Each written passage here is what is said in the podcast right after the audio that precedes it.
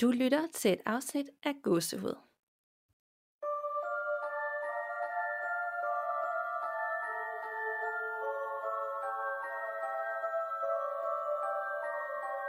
Hej Danika, Hej Nana. og hej til alle jer, der lytter med derude. Ja, hej og velkommen til episode 74. Vi nærmer os nærmest 100, eller det er stadig ikke noget tid til, men det føles som om, vi kommer tættere og tættere på.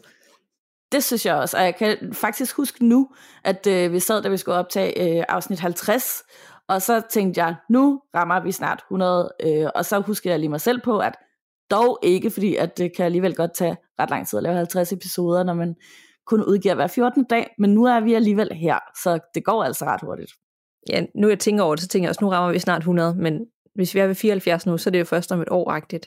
Så det er måske, det er ikke lige, med, det er ikke lige til sommer, men det, det virker tæt på af en eller anden grund, selvom at det Ja. er det. Ja, det gør det altså. Det er jo godt at have nogle, øh, nogle mål, og alene det, at der på et tidspunkt udkommer 100 afsnit, det er jo ret vildt. Ja, det er det. Det synes jeg også. 100 gange har man optaget og talt om det overnaturlige. Det havde jeg aldrig nogensinde troet, at det kunne lade sig gøre, øh, når man startede. Altså, kan man blive ved med at tale og, om det, man ikke kan forklare, men det kan vi jo tydeligvis, så det er jo dejligt. Ja, men også bare det der med, hvor længe bliver det egentlig sjovt at lave det her, øh, og hvor længe ja, gider man, men det bliver ved med at være sjovt. Det gør det virkelig. Ja, det gør det. Det er vi glade for. Men øh, er der sket noget hos dig siden sidst? Noget hyggeligt? Set noget uhyggeligt? Noget du har hørt? Noget uhyggeligt? Øh, nej, der er ikke sådan, der er ikke sket noget i hvert fald. Øh, det eneste er, at sådan stemningen, jeg føler, at stemningen er blevet lidt bedre. Den har været lidt sådan grå det sidste stykke tid, hvis man kan sige det sådan. Øh, den er blevet lidt bedre, og, øhm, og så har jeg set nogle vildt gode ting øhm, på Netflix. Ikke rigtig noget overnaturligt, men øhm, en, en ny serie, der er kommet, der hedder The Serpent, som handler om sådan en, en øh, seriemorder, der slog en masse backpacker ihjel i Asien i 70'erne. Sådan. Den var fantastisk. Og virkelig uhyggelig. Godt nok ikke paranormal. En, en Men- serie eller en film? En serie. Okay. Så den kan i hvert fald godt anbefales, hvis man også er til sådan noget true crime noget. Okay. Nå, det lyder, den kendte jeg slet ikke. Vi havde også lige talt om, inden vi begynder at optage, at vi skulle i det der dokument, vi har i Facebook-gruppen, hvor vi ligesom deler alle de anbefalinger, vi er kommet gennem tiden, og så skulle vi ligesom inddele det per afsnit. Så det var nemmere at gå tilbage og tænke, oh, hvad var det nu for en film eller serie, de anbef- anbefalede i afsnit 24. Fordi ja. Ja. det kan vi jo godt have svært ved at huske, når folk de spørger sådan, øh, hvad, hvad var det nu, det, det var. Og så skal vi lige have gennemgået alle episoder og inddele det per afsnit, så det bliver meget nemmere at navigere i, både for jer, der lytter med, men også os selv. Ja, helt klart. Det kan godt være, at det kommer til at tage lidt tid. I må lige have lidt tålmodighed med os, fordi det er jo mange timer, vi skal lytte igennem igen. Men det skal nok komme. Yes. Hvad med dig? Er der sket noget hyggeligt hos dig? Øhm, nej, det er der ikke. Altså, jeg har sådan... øh, Det sidste afsnit, øh, vi optog, der havde jeg jo... Der hørte jeg den der øh, røgalarm. Ja. Øhm, jeg ved ikke, om du hørte den, da du hørte ig- igennem bagefter, eller du overhovedet ikke har hørt det. Jo, det gjorde jeg, og øh, jeg fandt faktisk ud af lige her til morgen, mens jeg var i bad, hvad det var. Nå. Det er, det er, det er noget, der er kommet fra en skraldebil, der har øh, kørt forbi ude på gaden. Og grunden til, at jeg ikke selv har kunne høre det, det er, fordi jeg sidder med de her kæmpe hørebøffer på jo. Øhm, så lyden i mine ører var fuldstændig blokket ud, men det er klart, at mikrofonen selvfølgelig har fanget den lyd. Så det var simpelthen bare det. Og jeg er faktisk sådan helt lettet over, at der er en, en naturlig forklaring på det. Altså, det er der jo som regel. Men du ved, nu finder man faktisk ud af, hvad det var, og man skal ikke sidde og tænke, hvad var det egentlig? Var det en røgalarm i nabolejligheden, eller hvorfor hører jeg noget, du ikke kan høre? Men nu giver det mening. Ja, der er, der er så til gengæld en, der har skrevet til os på Instagram, at hun kan høre, at der er nogen, der siger hallo på et tidspunkt. Og jeg har prøvet at finde det samme sted, øh, som hun beskrev, men jeg kan simpelthen ikke, jeg kan ikke høre noget på den optagelse, og det er så mærkeligt. Hun, hun kan høre det helt klart og tydeligt. Så Ej. det, ja, det, er, det er mærkeligt. Det er altid det der, der skræmmer mig mest, det er, når folk siger, jeg kan høre en eller anden snak ind over det, og jeg glemmer stadig aldrig det der hej, fordi det var så tydeligt for mig med den der dybe mandestemme. Sådan noget, ja. Det, det skræmmer mig. Øh, alle de der sådan, baggrundslyde og røgalarmer, og du ved, sådan nogle ting, altså det, det kan man nemmere være i, men når det er sådan, at det sidder nogen, der tæller ind over, ikke, så, øh, så bliver det altså lidt, det kommer lidt for tæt på, på en eller anden måde. Ja, det gør det. Men ellers så er der ikke, øh, der er ikke sket noget konkret. Jeg har, jeg kan godt mærke, nu er jeg tilbage i optagelserne igen, så er ligesom, der har været en periode på nogle uger, hvor jeg ikke har været med, så har der ligesom været lagt låg på det. og nu er det ligesom åbnet op for det. Øh, og bare sådan, igen den her baggrundsstøj, det er sådan primært det, jeg oplever. Øh, der har været nogle, altså nu filmer jeg jo også nogle gange nogle stories og sådan noget til min egen Instagram, som, som ikke har noget med gåsud at gøre. Og der ja. tager jeg altid lyden af, inden jeg lægger det op, fordi man ved jo aldrig sådan i baggrunden, hvad der bliver sagt, og det er bare sådan, det gør jeg altid. Men jeg lytter altid igennem, inden skulle der være noget. Og der var her forleden dag, hvor jeg sådan bare havde filmet et eller andet i mit soveværelse, et eller andet random. Og der var sådan en, en baggrundslyd, og bare sådan en, ligesom sådan en, der sukkede, eller et eller andet, men jeg var helt alene hjemme. Og det var jo ikke mig, altså jeg kunne lige godt høre, hvordan jeg selv lyder. Det var sådan en anden stemme. Sådan nogle ting. Men det er jo også lyd igen. Men det er nok til, at jeg lige tænker, jeg vil helst ikke tænke for meget over det, men ej, det var for godt nok mystisk. Kender du det? Ja, ja det lyder virkelig ulækkert ad. Ja, så sådan nogle ting med lyde, altså det, det er ligesom det, det der, det, det niveau, jeg er på med alt det her. Det er baggrundsstøj, det stemmer, når vi optager i baggrunden, og lyde ja. herhjemme. Men det, altså det er klamt, men det er trods alt bedre, end hvis jeg skulle, det ved jeg ikke, se noget, mærke noget. Ja, helt klart. Det kan jeg godt forstå, ja. Ja, og så vil jeg så lige komme med en disclaimer for sidst, fordi sidst der snakkede om de her sovepiller, øhm, og at, at det har gjort, at jeg havde sovet tungere, og jeg, altså, nu har jeg faktisk fået nogle private beskeder om, at folk tænker, ej, hvor lyder det fedt, at man kan sove tungere, og jeg tror ikke, jeg vil våge at påstå, at sovepiller er altså ikke løsning. Heller ikke for mig, selvom det lige kan hjælpe, hvis man er i en periode, hvor det er svært.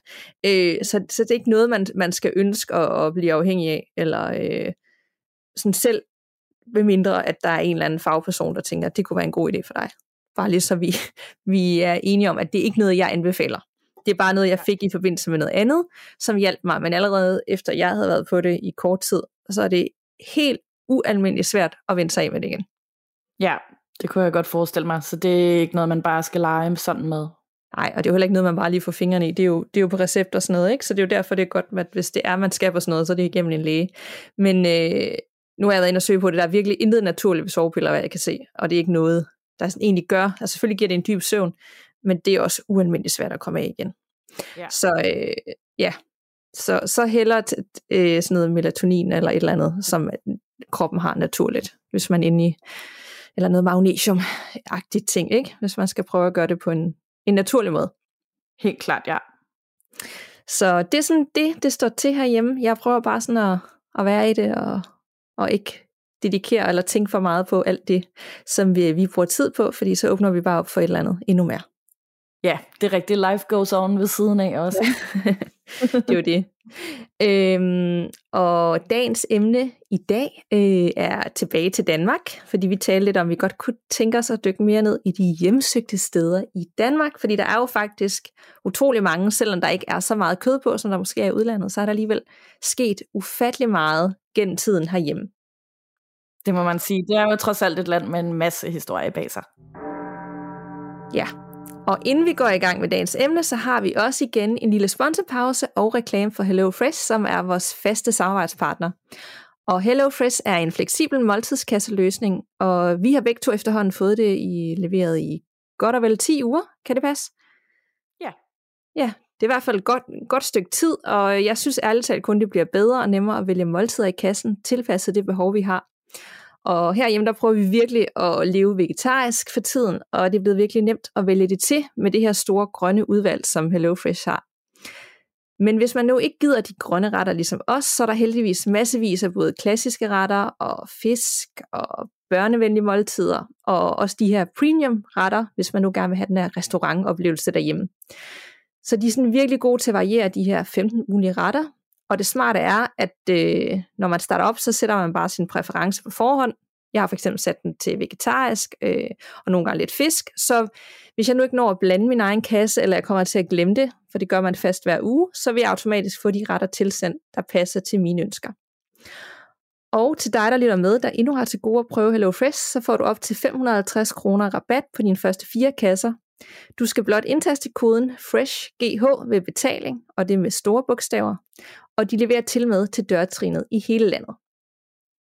Det er fantastisk, og øh, noget jeg virkelig også elsker, det er hele fleksi- den fleksible løsning i det, øhm, så man kan få sat det på pause, hvis man nu ikke vil have det i en uge, eller man kan også få det sendt et andet sted hen end hjem til, hvis man for eksempel skal op i sommerhus, så kan man bare få det sendt det derop. Jeg er for eksempel øh, ret meget hjemme hos min far for tiden, og så øh, har jeg tit fået sendt det øh, hjem til ham, og det er ikke nogen problemer. Og det kan man også ret nemt planlægge i selve appen, og der får jeg for eksempel leveringer lørdag morgen, og så skal jeg bare huske at ændre min bestilling senest om onsdagen. Og det gælder selvfølgelig også, hvis jeg skal have en ret mere eller mindre, hvis jeg for eksempel får gæster. Så på den måde så er det også super smart, at man kan planlægge det til, øh, til en lidt anderledes uge, end det man plejer at have som standard. Det er super smart. Vi skal faktisk sommerhus her snart. Jeg havde slet ikke tænkt på, at så kunne jeg egentlig bare få kassen med. Fordi vi skal jo alligevel lave mad selv. Øh, så selvfølgelig vil der nogle dage, hvor vi skulle grille og sådan noget, men det er jo meget smart at have de der hverdagsmåltider, der er lige nemme at lave deroppe. Ja, det er det nemlig. Det er super fedt, at man kan det. Men jeg skal lige høre dig, Nana, hvad har du fået at spise den sidste uge? Jeg er altid så nysgerrig på, hvad vi hver især har fået.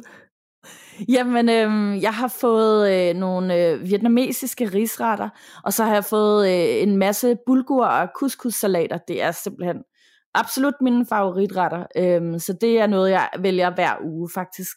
Hvad med dig? Jamen, det er meget det samme. Altså, ja, vi er også gået efter selvfølgelig de vegetariske retter, men det, man kan godt mærke, det er forårsretter nu, det er frisk, øh, frisk grønne ting og bulgur, som du siger, og, altså lette retter, og det var super lækkert, øh, og passer virkelig godt til den her årstid. Ja, det gør det virkelig. Jeg sørger også for at vælge fisk en gang om ugen. Ja, den har vi også fået. Ja. Øh, også vild med laksen herhjemme. Og jeg har også... Øh, øh, troligt fortalt det til mine veninder, og ligesom fået, bare ved at tale om de her opskrifter, fået dem med ombord, så nu har de også måltidskasserne. Hvis du gerne vil støtte os, og det arbejde, vi lægger i gåsehud, så kan du benytte koden FRESHGH med store bogstaver, for at få op til 550 kroner i rabat på dine første fire kasser. Og det er altså, hvis du endnu ikke har prøvet Hello Fresh. Så tak fordi du lytter med. Og god fornøjelse. Nå, nu skal vi til dagens emne, hjemsøgte steder i Danmark, og jeg er meget spændt på, hvad du har med. Ja, yeah. jeg har bredt mig lidt ud over sådan et område, øh, og det er hele Vestjylland faktisk, at jeg breder mig lidt ud over. Og at min tanke med det var sådan lidt, at øh, der er sådan lidt kaos stadig med alt det her corona noget, og efter at Johnson og Johnson-vaccinen og AstraZeneca er blevet sat på øh, henholdsvis hold og stop, øh, så er der stadig også sådan lidt en masse ubesvarede spørgsmål om, hvor, hvor meget kan vi egentlig rejse til sommer, og hvad skal vi gøre? Skal vi holde sommerferie i Danmark endnu en gang? Og øhm, inspireret os af Allan fra vores øh, gruppe på Facebook, som er rigtig god til at lægge en masse lokationer op, som han tager ud på, øh, på med sin kone. Øhm, så tænkte jeg, at det kunne da være meget sjovt, hvis man alligevel holder sommerferie i Danmark, og så tage ud et område, og så ligesom opsøge alle de her hjemsøgte steder. Så øh, det er altså mit forslag til, at man gør det på Vestjylland, fordi der er nogle rigtig gode steder. Ej, hvor spændende. Og, øh, ja, nemlig. Og der er i hvert fald især tre rigtig fede steder på Vestjylland, man kan øh, tage hen og besøge. Og det første, det er Bromølle Kro, som ligger i Jyderup. Og den her kro, den har en virkelig makaber historie. For det siges nemlig, at øh, der var et værtspar, som drev kroen i øh, 1700-tallet, og de havde sådan en ret alternativ måde, øh, og en ret bestialsk måde at øh, tjene til kronens drift på. Fordi det var nemlig sådan, at de kunne finde på at drikke deres handelsrejsende gæster fulde, og så slog de dem ihjel og stjal alle deres penge og andre værdigenstande, og så smed de lige i den nærliggende å. Okay. Men, ja. øh, men de blev heldigvis opdaget på det tid, og så blev de dømt til døden og hængt på en galjebakke i området. Og det siges, at værtsparet stadig går igen på kronen, sammen med flere af deres ofre, blandt andet en grå dame. Og øh, de skulle være særlig aktive øh, i, øh, i, i et annex, der ligger bag selve kronen, hvor der i dag er øh, overnattende gæster. Og de ansatte mærker rigtig ofte til alle de mange energier på stedet, der har rigtig mange historier, de kan fortælle om det. Og derfor har stedet også været besøgt af øh, en anden podcast, som hedder Fucking Uhyggeligt, og øh, Anders Lund Madsen, han har også lavet den her podcast, der hedder Manden, der drog ud i verden for at blive bange, og har besøgt stedet. Og så har det også haft besøg af Puk Elgård i programmet Mystiske Danmark. Og øh, derudover så har det også engang øh, haft besøg af øh, Jim Lyngvild og Pernille Ålund, som har tilbragt en hel nat der i programmet Radslernes Nat, hvor Marian Dampier Jeans også forsøgte at komme i kontakt med ånderne på stedet. Og øh, hvis man vil søge efter det, så er det afsnit 9 i øh, sæson 1 fra 2014, men det er rigt, desværre ikke rigtig tilgængeligt på nogle af de øh, øh, officielle streamingtjenester lige nu, men øh, måske kan man finde noget på YouTube, og ellers så kan man i hvert fald sætte sådan en notification på øh, Play Pilot, og så få at vide, øh, når den så kommer, øh, kommer tilgængelig på en streamingtjeneste på et tidspunkt. Mm-hmm. Og et andet sted, det er i øh, Kalundborg, fordi her ligger købmandsgården Ole Lundsgård, lige midt på byens gågade. Og det er så i dag blevet bygget om til en restaurant med selskabslokaler og hotel. Og der er en ansat på det her hotel, der fortæller, at hun engang har fået kylet en buket blomster efter sig, der ellers stod helt fredeligt på et bord. Og hun fortæller også, at der ofte er en ret vild banken på døren for restauranten ud til gårdhaven, men når hun så går ud og tjekker, så er der selvfølgelig ikke nogen.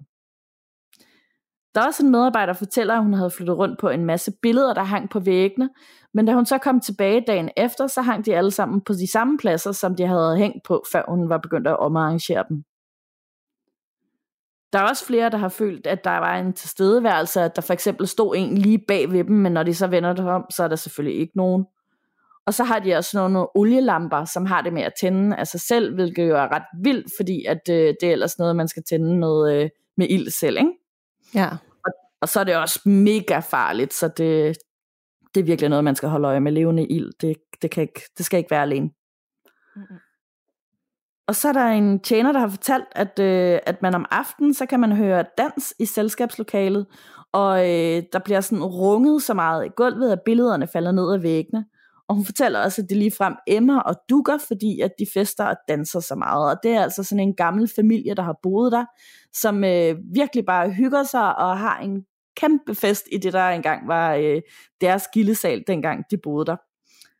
Så det, det er på en måde ret hyggeligt og sjovt, synes jeg egentlig, selvom det også er lidt uhyggeligt. Ja, det må være mega uhyggeligt første gang, man oplever det, ikke?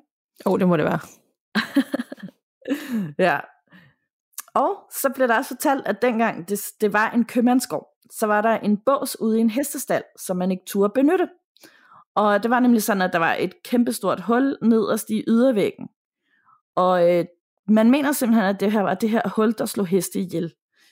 Fordi det var nødt til at stå åben, for hvis man murede det til og stillede en hester i, så endte hesten altid med at dø.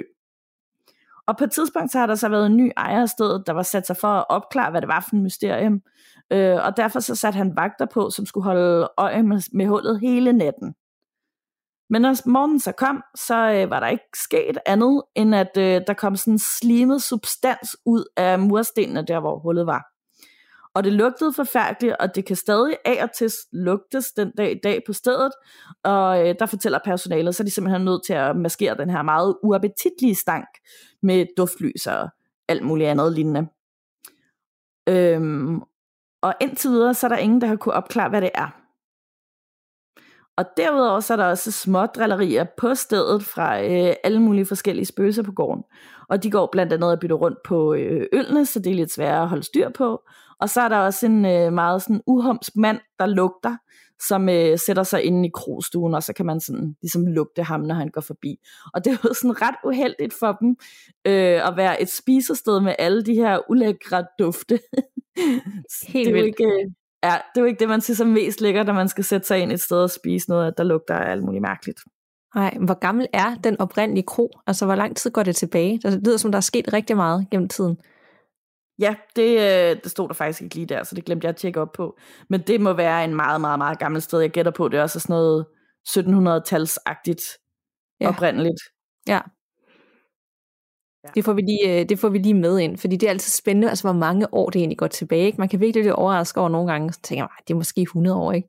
Og så kan det bare være virkelig, virkelig, virkelig, virkelig gammelt. Ja, det, det, det er virkelig vildt, ja. Og det er det næste sted, vi skal hen faktisk også. Det er virkelig, virkelig gammelt. Øhm, og det er simpelthen Dragsholm Slot, som siges, at, eller det er bekræftet at være Danmarks ældste værtslige bygning. Den er nemlig opført i 1200-tallet af Absalon.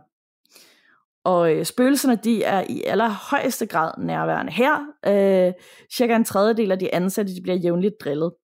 Og øh, det er et sted, vi har hørt om før jo, fordi at, øh, jeg mener, det er afsnit 9, hvor at øh, dig og Michelle fortæller om hjemmesøgte steder i Danmark, hvor at hun så også fortæller om Dragsholm Slot. Ja.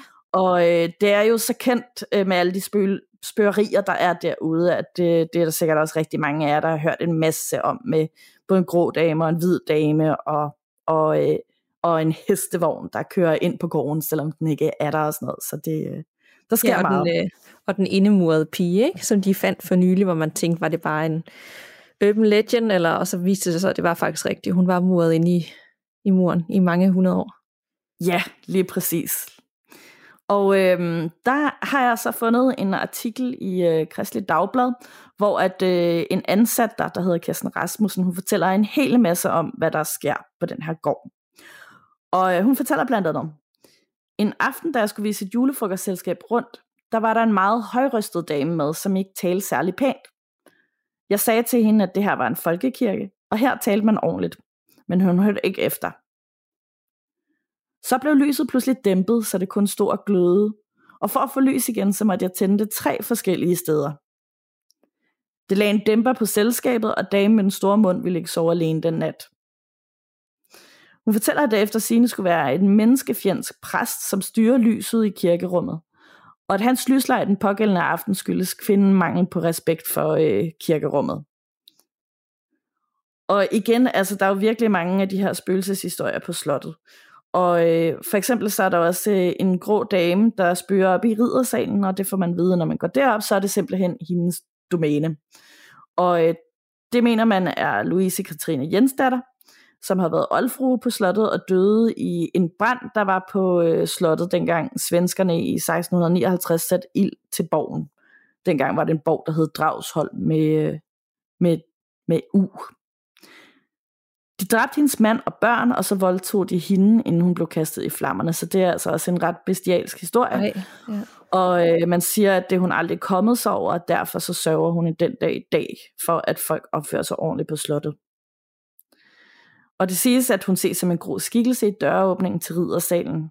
Og hun har også sin egen antikke stol, og man må gerne sidde på den, men man må for guds skyld ikke flytte rundt på den, fordi så kan man komme ret galt afsted. Så øh, ja. Og øh, hun er også kendt for at få håndværkeres værktøj til at forsvinde, hvis hun synes, at de larmer for meget. Så hun har virkelig også sine egne idéer om, hvordan der skal være på, øh, på det her sted. Ikke? Det tror jeg faktisk godt, jeg kan huske sidst, vi, vi talte om det, at der var et eller andet med en håndværker, der skulle ordne et eller andet på et værelse. Jeg kan ikke huske, hvad det var. Øh, og så når han kiggede sig sådan over skulderen så var værktøjet væk, eller flyttet, eller larmet et eller andet. Og, øh, altså, det var virkelig ubehageligt for ham, så til sidst, så kunne han slet ikke være i det.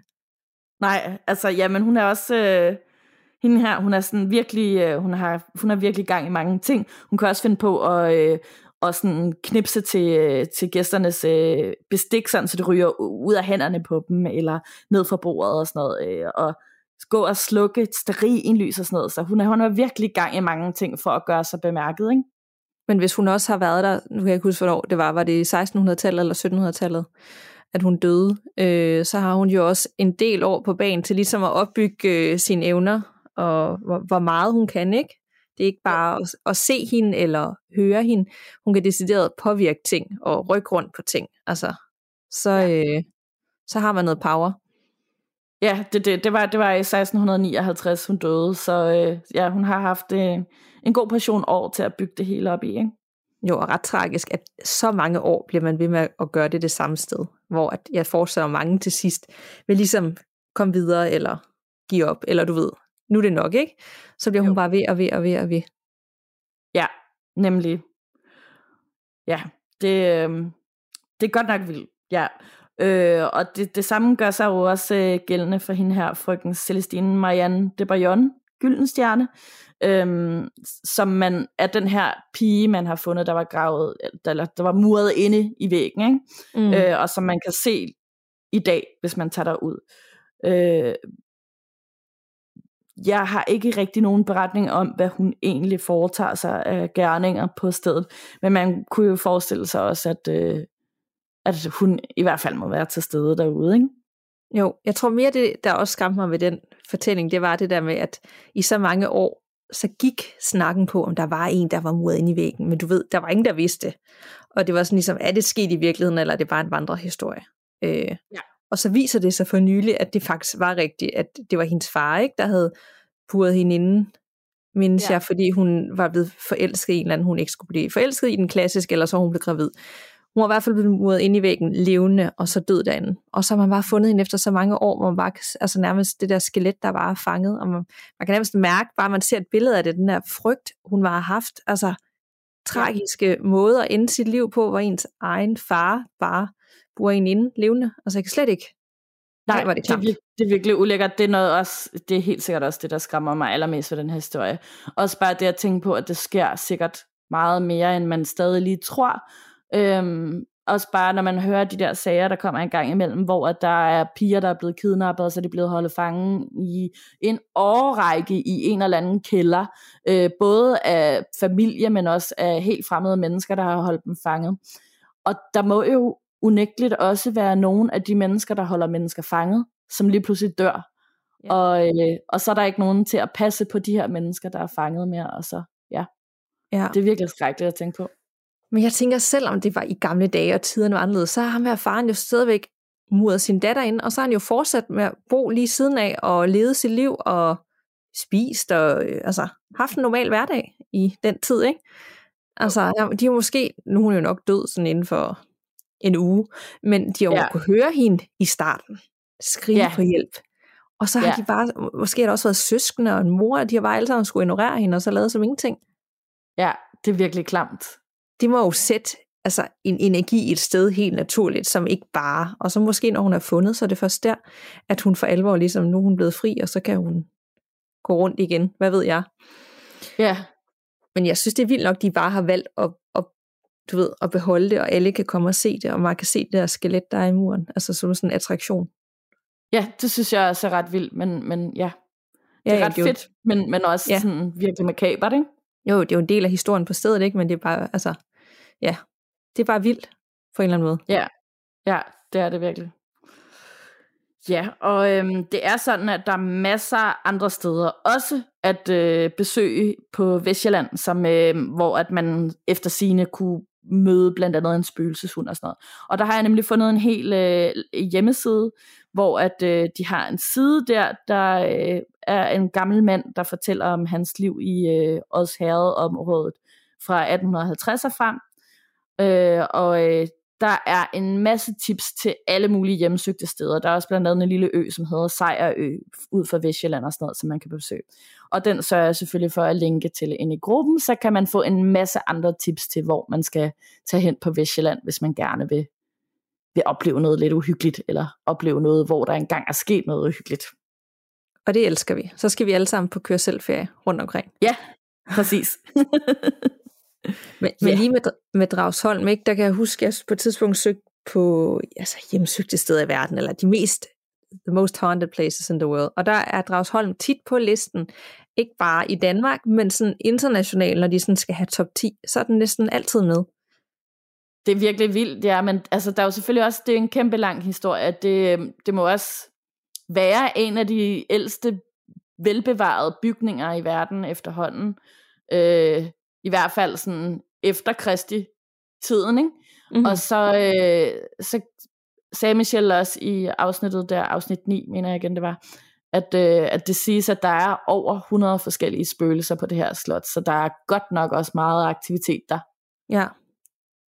Har vi ikke også haft en beretning derfra, hvor der var nogen, der skulle overnatte der efter et bryllup? Se jo, det dernede? det har vi. Hvor ja, de var sådan lidt, ej, nu skal de stoppe festen ude foran døren, og vi skal, vi skal også sove, og holde op, det larmer. Og så fandt de ud af, det her par, at de var den eneste, der havde sovet i den her fløj. Der var ikke andre. Ja, præcis. Den så kan jeg, jeg tydeligt huske den historie. Ja, og det tænker jeg, at der må være andre af vores lytter, der har overnattet der, eller været til bryllupper, der er et eller andet, bare været forbi, og så oplevet noget. Ja. Og så vil vi elske at høre mere om det. Jeg har aldrig været der. Har Nej, du? det er jeg heller ikke. Og det er jo egentlig, altså det er jo tæt på os, eller en time væk, ikke?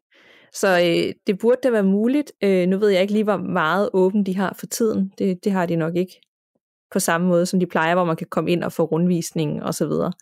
Øh, men det burde jo åbne op inden for en måneds tid, ikke? Jo. Så det vil da være, altså hvis det er det et af de mest hjemsøgte steder i Danmark, for ikke at tale om hele verden, altså, så er det da der, vi starter. Ja, helt klart. Det synes jeg også, vi skal. Men bare om dagen, ikke? Ik- ikke noget aften overnatning noget. Nej. Nej, jeg synes også, vi lader os starte med dagen, så kan vi altid tage det bagefter, om vi, vi tør at prøve noget med noget nat også, ikke? Mm-hmm. At du tør, så livestreamer du til mig. ja. Det er en god fordeling. Yes. Nå. Er du klar til lidt mere om hjemsøgte steder i Danmark? Altid. Og her kan man jo også tage hen, hvis man bare skal være herhjemme, og det er et sted, som er meget nemt at besøge for mange af os, og mange af os har nok allerede været der. Det er nemlig selveste Tivoli øh, i København, som de fleste nok har kender eller har allerede har besøgt, øh, som er en forlystelsespark beliggende i centrum af København.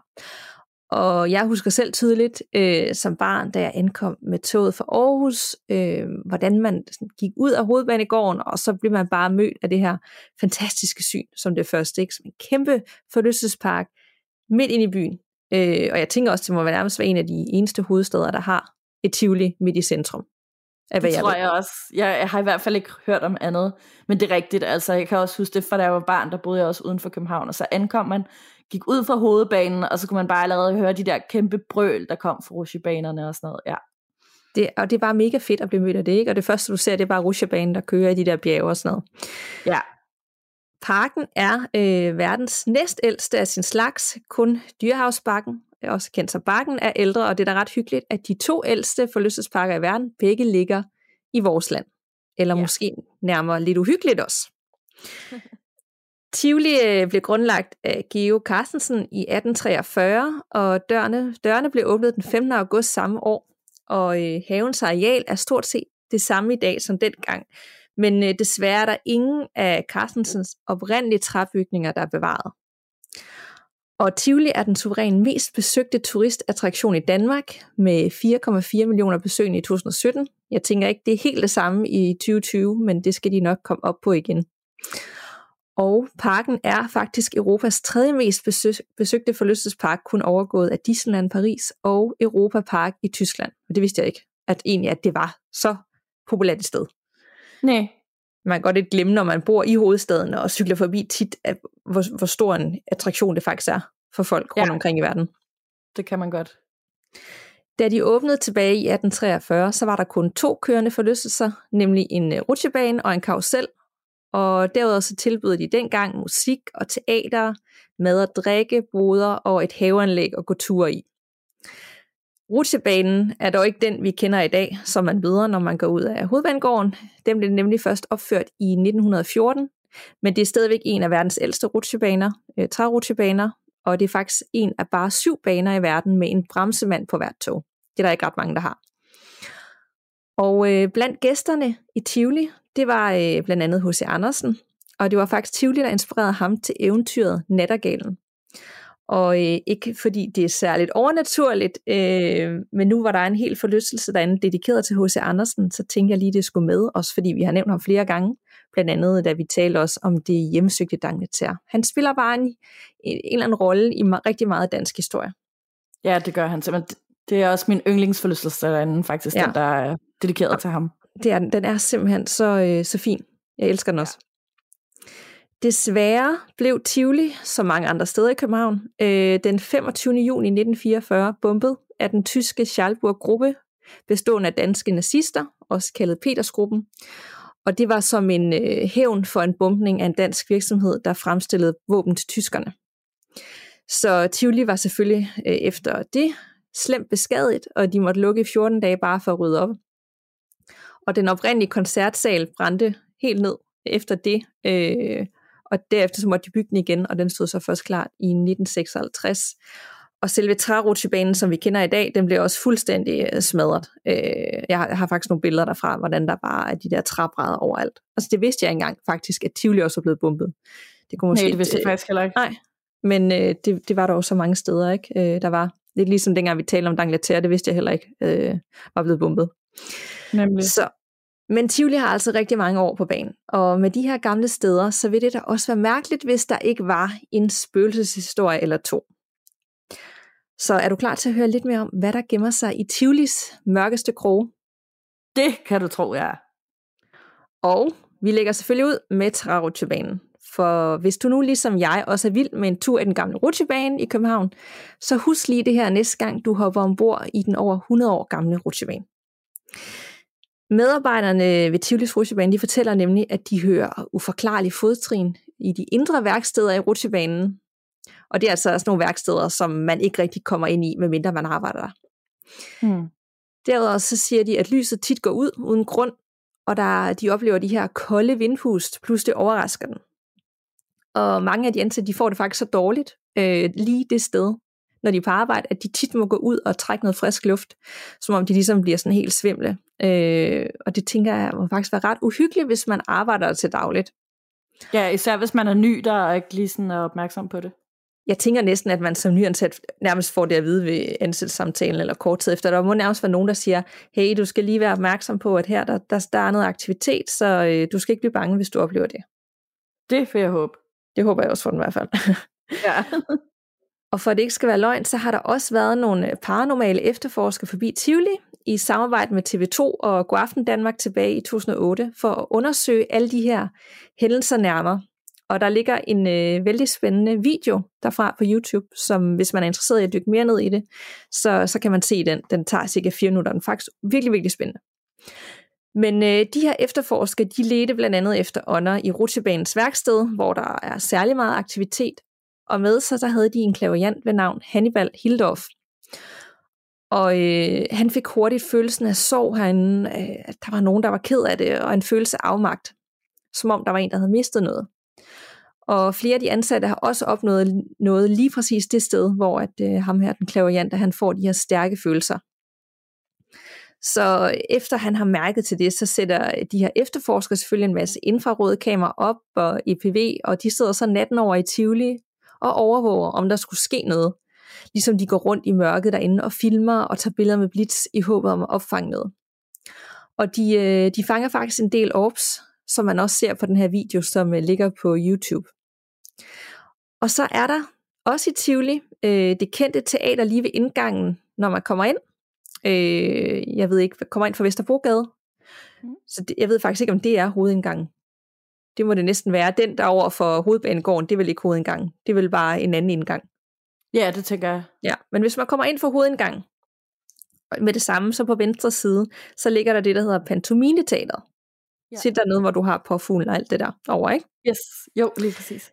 Øhm, og det har været der nærmest helt fra begyndelsen. Øh, eller det blev bygget i 1874, og derved er det faktisk Tivolis ældste egentlige bygning derinde.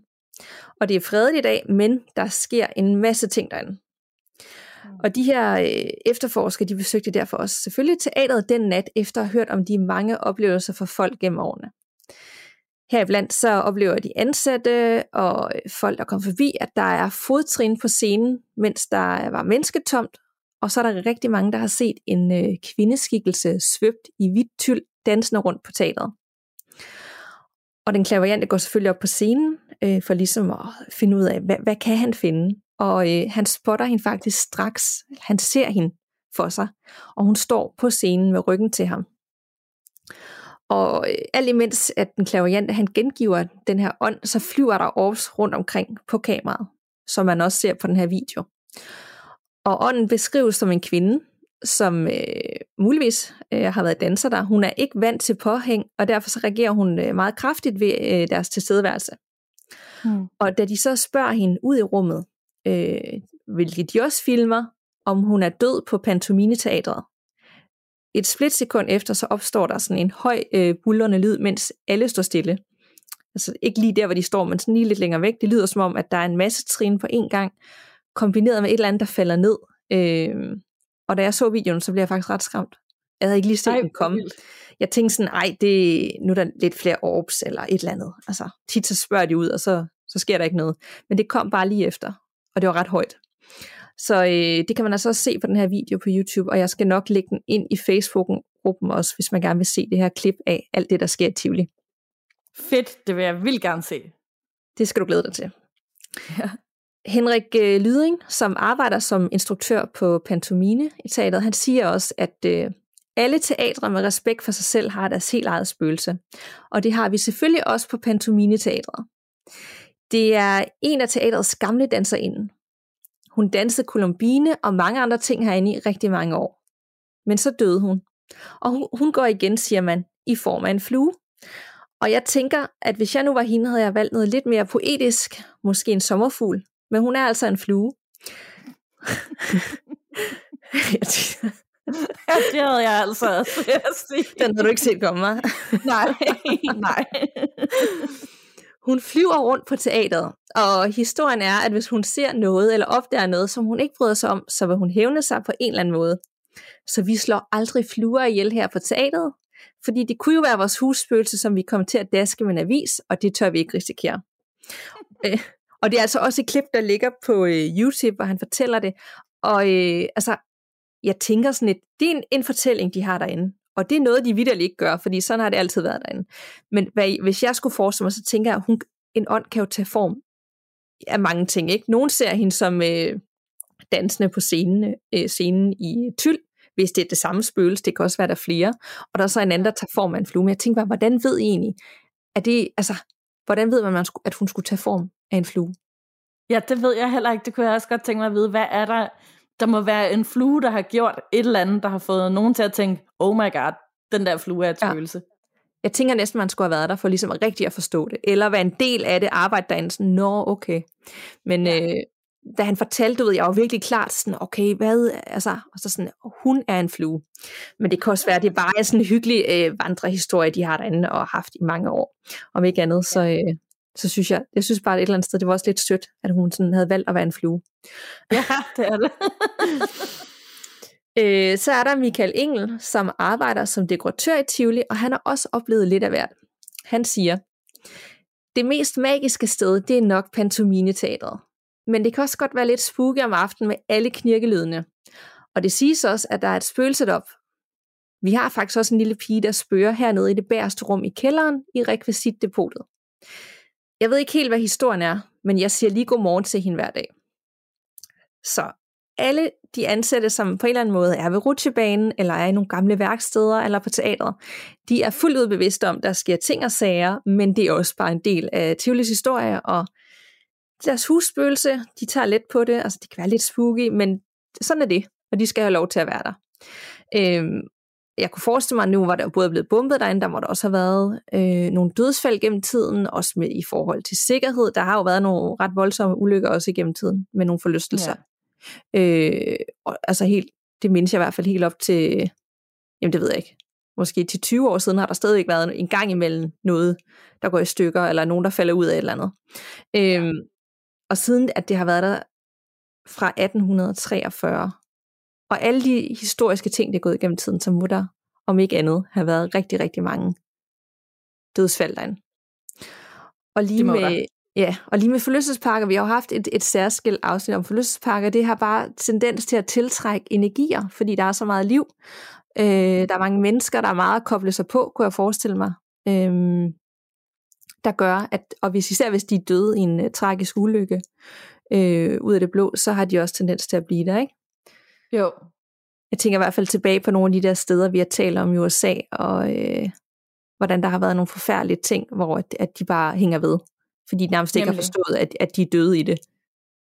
Ja, præcis. Det, ja, det er det. Jeg kommer også til at tænke på, at altså sådan, det kan jo være, at der også er noget under Tivoli, fordi at man har været overrasket over at finde noget under Rådhuspladsen. Der er noget ind under der, hvor det gamle Absalon ligger på strået. Der har været nogle ting omkring godt og skade og sådan noget. Så det kan jo også sagtens være bygget på, det ved jeg ikke, en gammel kirkegård eller noget. Det er jo, det er jo svært at vide. Helt klart. Det kan jo sagtens være. Det finder man jo ikke ud af, fordi det er jo ikke lige noget, der lige øh, bliver flyttet eller revet op. Nej, præcis.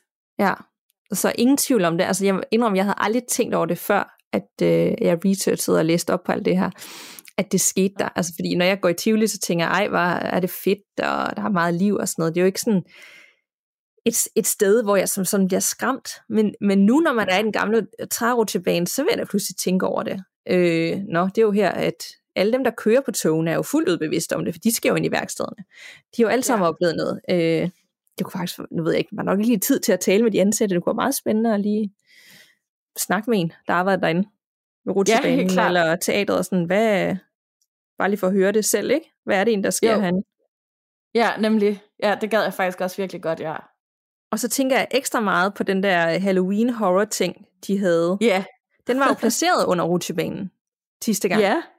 Og det gør det jo endnu mere uhyggeligt, at de faktisk har placeret det et sted, hvor at der er aktivitet. Det gør det faktisk. Ja.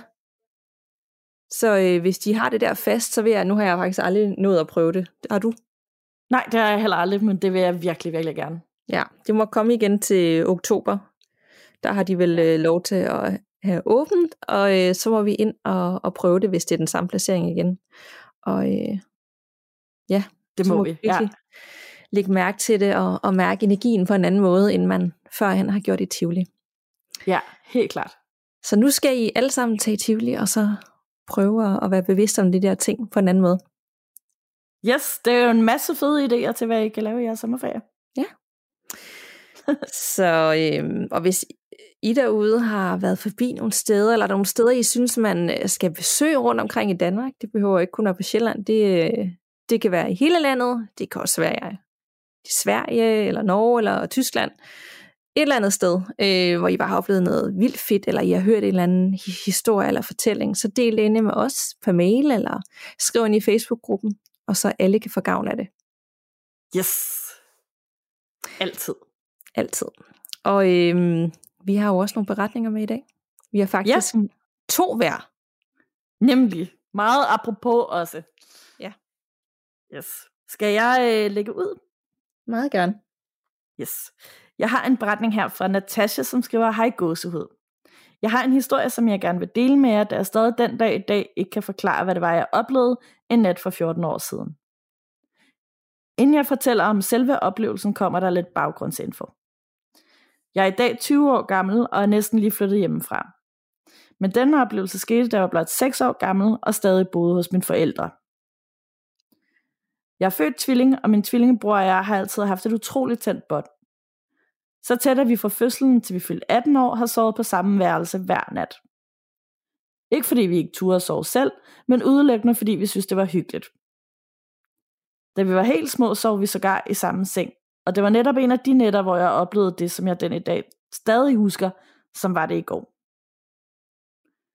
Jeg husker, at jeg vågner op om natten og ligger og kigger rundt i værelset på min bror, som ligger trygt ved siden af mig og sover. Døren fra vores værelser ud til gangen stod denne nat åben, og når den gjorde det, var jeg altid bange for, at der ville komme nogen ind ad døren. Min brors seng stod nemlig sådan, at når døren var åben, så kunne man hverken se døråbningen eller ud i gangen, hvilket gjorde, at jeg tit lå og kiggede den vej, i frygt for, at der skulle komme nogen ind på værelset.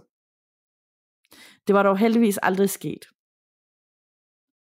Efter et stykke tid havde jeg kigget skiftevis på døren og på min bror, og fornemmede pludselig en mærkelig energi, og jeg kunne nu ikke længere bevæge mig. Jeg lå stift som et bræt med øjnene rettet lige mod døren. Dengang vidste jeg ikke, hvad det var, var jeg oplevede, men i dag har jeg tænkt på, om det jeg oplevede må var en søvnparalyse. Efter hvad jeg husker føles som flere minutter, så kom der pludselig tre personer, eller nærmere skikkelser svævende ind i værelset og hen til kanten af sengen, hvor min bror og jeg lå og sov. Jeg husker tydeligt udseendet af det, jeg i dag kalder de tre mænd.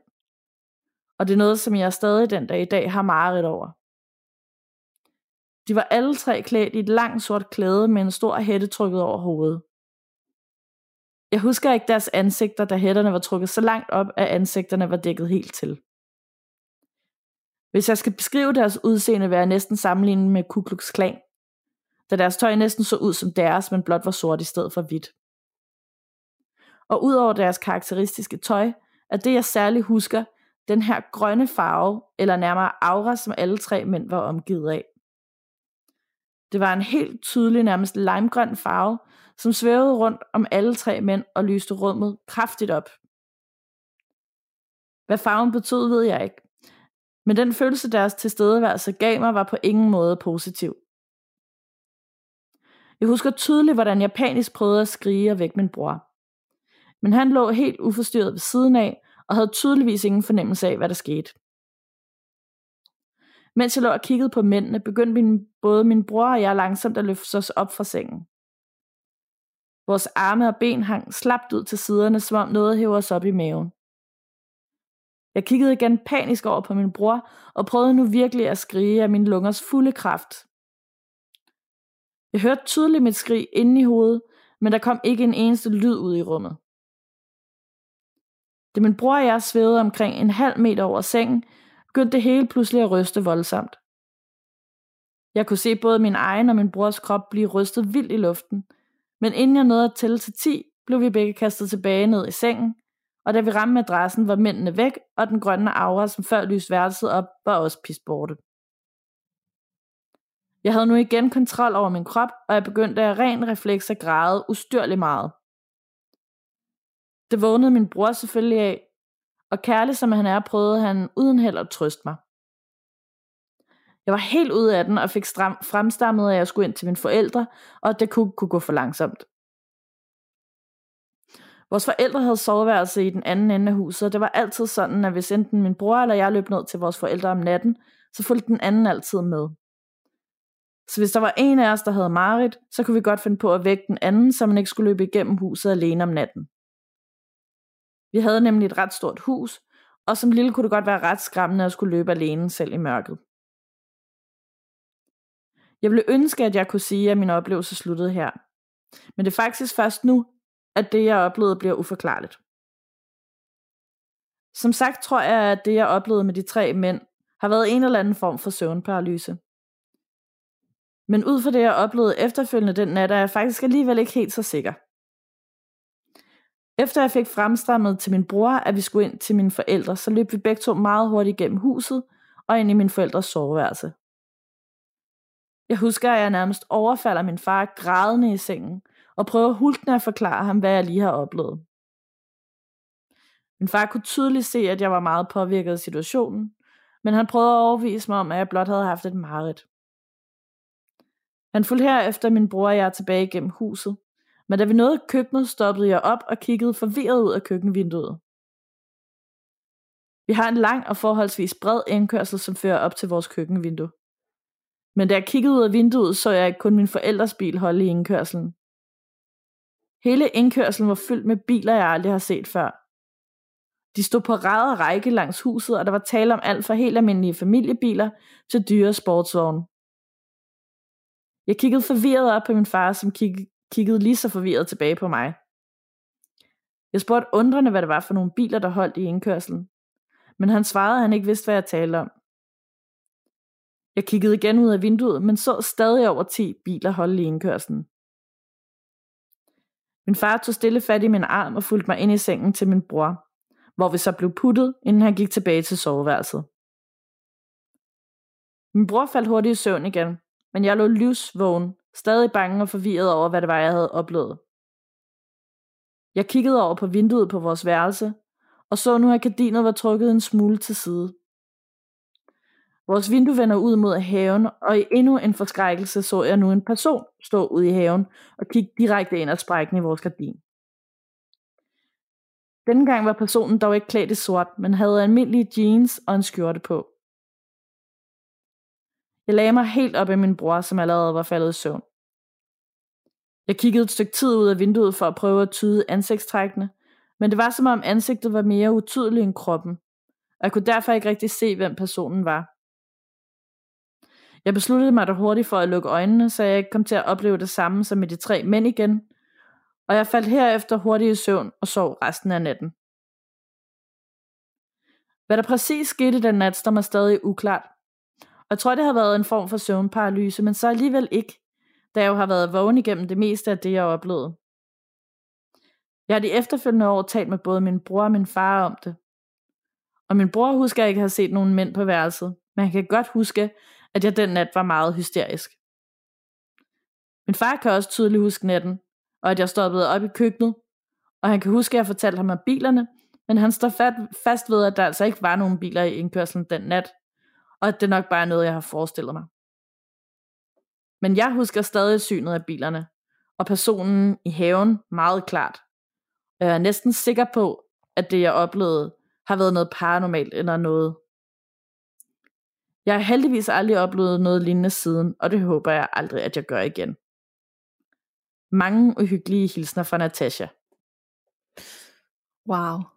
Øh, lige så snart du sagde det de tre mænd, så fik jeg også sådan en vibe af, altså når man snakker søvnparalyse, så snakker man tit, at der er et eller andet, altså en person, ikke? en skikkelse, men vi har da ikke rigtig hørt noget om, der er tre mænd. Nej, det har vi og, ikke. Og hele den der ting med, altså, det kan selvfølgelig godt være noget, man drømmer, men det må også føles meget virkelig, altså, at man bliver hævet op. De var begge to op og svæve over sengen, ikke? Sagde hun ikke det? Jo, jo, jo. Og blive rystet sådan helt, ja, og kastet tilbage i sengen. Ja. Altså, selvom det er noget, man forestiller sig, eller en søvnparalyse, som er meget ekstrem, så må det virkelig være en, en oplevelse, der sidder en for livet. Ja, det tænker jeg også. Øh, meget vildt også, at den sådan hænger sammen med det, der sker efterfølgende, når man er vågen. Også fordi hun ved jo, at hun er vågen på det tidspunkt. Det kan hendes far jo bekræfte, fordi at når hendes bror løb gennem huset og bliver fuldt tilbage og sådan noget. Så sådan, det er, ja, det, det er mærkeligt. Jeg ved ikke, om hun har været i en eller anden form for drømmetilstand. Øh, det, vil næsten, det vil næsten være den eneste logiske forklaring på det, ikke? Jo, altså, som, altså hun var i drømmetilstand, mens hun gik rundt. Ja. Ja, men det er også, ja. altså, det ville jo også være mærkeligt, at man nærmest skulle stå siden af en og have en samtale, så samtidig drømme. Altså. Ja, især når hun har været så bange, at hun er løbet igennem huset ind til sin far. Ja, altså, ja det er mærkeligt. Ja, altså jeg håber selvfølgelig, at det er bare en eller anden forklaring på det, ikke? Langt ude forklaring med kroppen, der, der trigger en, og man har tendens til at kunne drømme, mens man er vågen. Øh, men det lyder virkelig mystisk. Jeg kan godt forstå, at hun er i tvivl om, hvad forklaringen er bag, og hun kan ikke 100% sige, at det må bare være en søvnparalys. Og det kan vi jo heller ikke afgøre, fordi vi har jo ikke prøvet det. Øhm, Nej. Men my- meget, meget mystisk er der. Hvis, hvis jeg var hende, og det kan vi også gøre, så vil jeg søge på det der med de tre mænd i de der øh, med hætter, sådan lidt lange, lang sort tøj, om der er et eller andet. Nogle gange så kan man finde andre, der har set det samme. Ja. Øhm, og det der med, at hun er blevet løftet op af sengen, om der er et eller andet, har det en eller anden relation til en eller anden gammel fortælling, eller der var et eller andet med de der tre mænd. Det var det sådan det. Ja. ja det kunne godt være. Man kan finde mange altså, ting på Google. Det tænker jeg nemlig også. Også det der med at blive løftet op i sengen på den måde, hvor man ligesom bliver trukket i maven, og resten bare hænger slapt ned. Det lyder også bekendt. Det føles som noget, jeg sådan har set før et eller andet sted.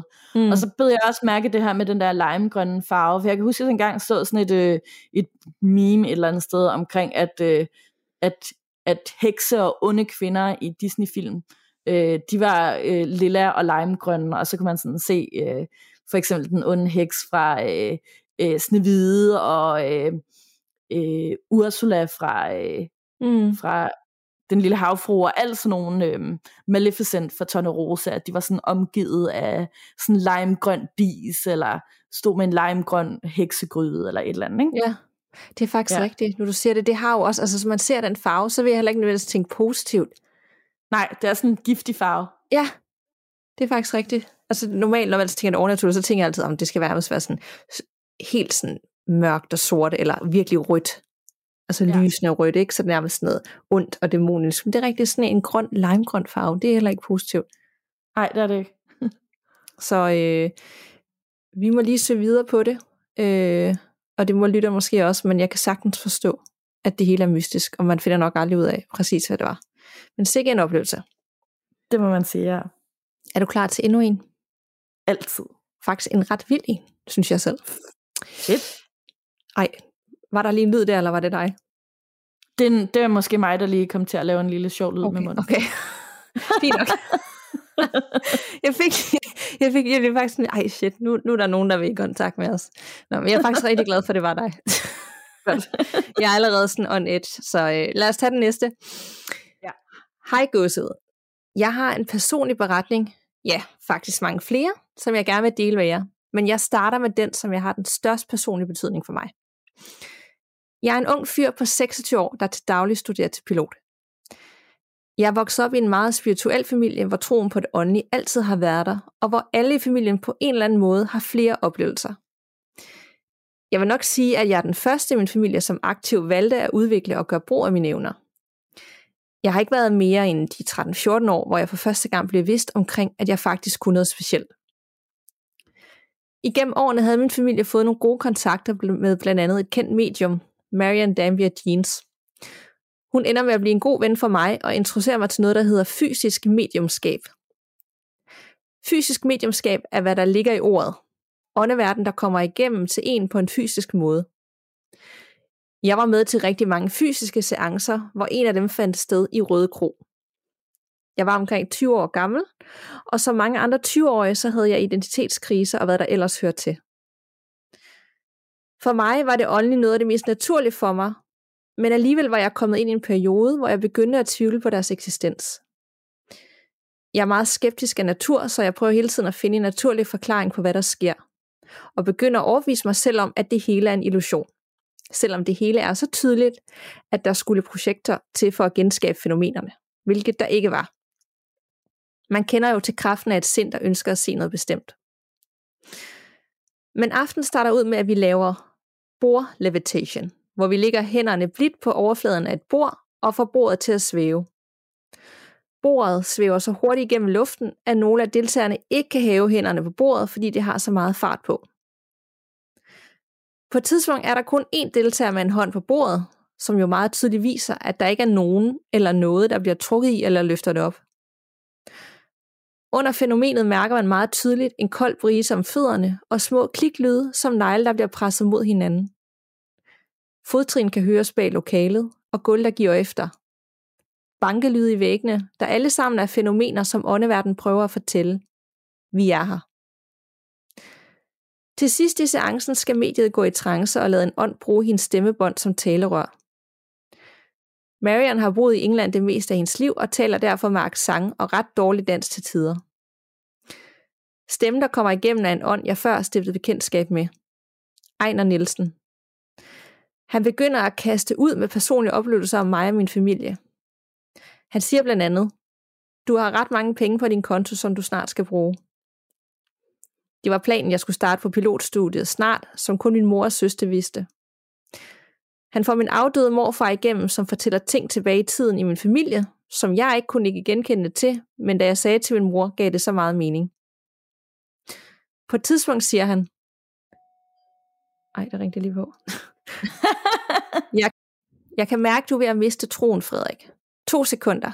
Jeg skal se, hvad jeg kan give dig. Der går omkring 20 sekunder, og så siger han, en nat du går i seng, vil du høre en klokke, der ringer for dig. Når den ringer for dig, vil du vide, at vi altid er der for dig. Jeg var overvældet, men også ret glad for den besked, jeg fik. Der skete mange andre ting under seancen, jeg kan skrive om på et andet tidspunkt. Men jeg kommer hjem, går i seng, downloader en Sleep Talker app i tilfælde af, det var i nat, det skulle ske, og hvis jeg var heldig at få det med på optagelserne. Ej, altså. Der skete ikke noget. Natten efter gør jeg det samme. Der sker heller ikke noget. Tredje nat gentager jeg alt igen. Der sker heller ikke noget. Fjerde nat går jeg i seng og tænker ikke over at starte appen. Pludselig hører jeg en suselyd i hjørnet af mit værelse, og der hører jeg en klokke. Som en klokke fra en gammel købmandsbutik ringe for mig. Klokken ringer et par gange, og suselyden stopper. Jeg begyndte at græde af glæde. Og fra den dag har jeg aldrig tvivlet på deres eksistens, og senere hen begyndte jeg også selv at arbejde som medium i en spiritistkirke i Aarhus. Hver eneste gang jeg har en lille tvivl, tænker jeg tilbage på klokken, og jeg får en indre ro. Med venlig hilsen, Frederik. Er det ikke nogle Shit, vilde hvor oplevelser? er det vildt. Jo, altså jeg er sådan helt blæst bagover.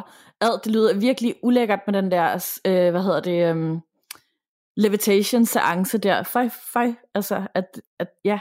Men, og jeg tænker for dem, altså nu siger han, det er jo det er dem, der er fysiske øh, medium. Det er jo det, de gør, når de holder de her fysiske seancer. Øh, de får ting til at bevæge sig. Altså for dem er det jo nok bare sådan, det er sådan, det er. Og det der med, at de skal Ja. gå i trance og, øh, og lade nogen tale igennem den. Altså, jeg, får, jeg ved godt, det ikke helt er det samme, men når man spiller, de gange jeg har spillet ånden i glasset, det er jo lidt samme øh, ting, der sker, når man har fingeren på glasset. Altså det der med, at det går så stærkt, og nogle gange, så er der nogen, der nærmest ryger af, og så kan man være alene tilbage, men man ved, at man ikke er den, der gør det.